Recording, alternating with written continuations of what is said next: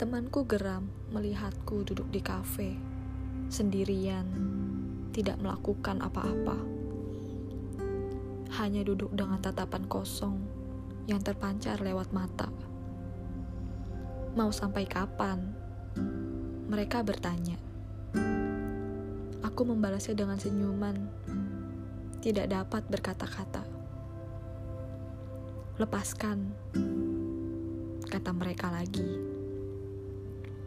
Sudah, sudah kulepaskan hingga dia pergi jauh, hingga entah pergi ke mana.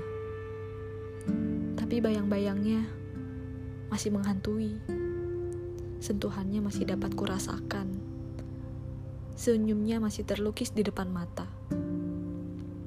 Kamu pantas dapat yang lebih baik. Bagaimana aku berpikir mendapat yang lebih baik, sedang aku masih menganggap dia yang terbaik?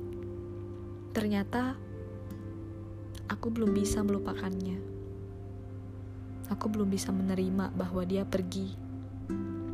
Aku masih berdiam diri, berharap dia kembali. Walaupun aku tahu itu tidak mungkin terjadi. Berkali-kali aku perbaiki hubungan yang berkali-kali pula ia akhiri. Mau sampai kapan berdiam diri? Aku tersenyum pada mereka. Aku menjawab.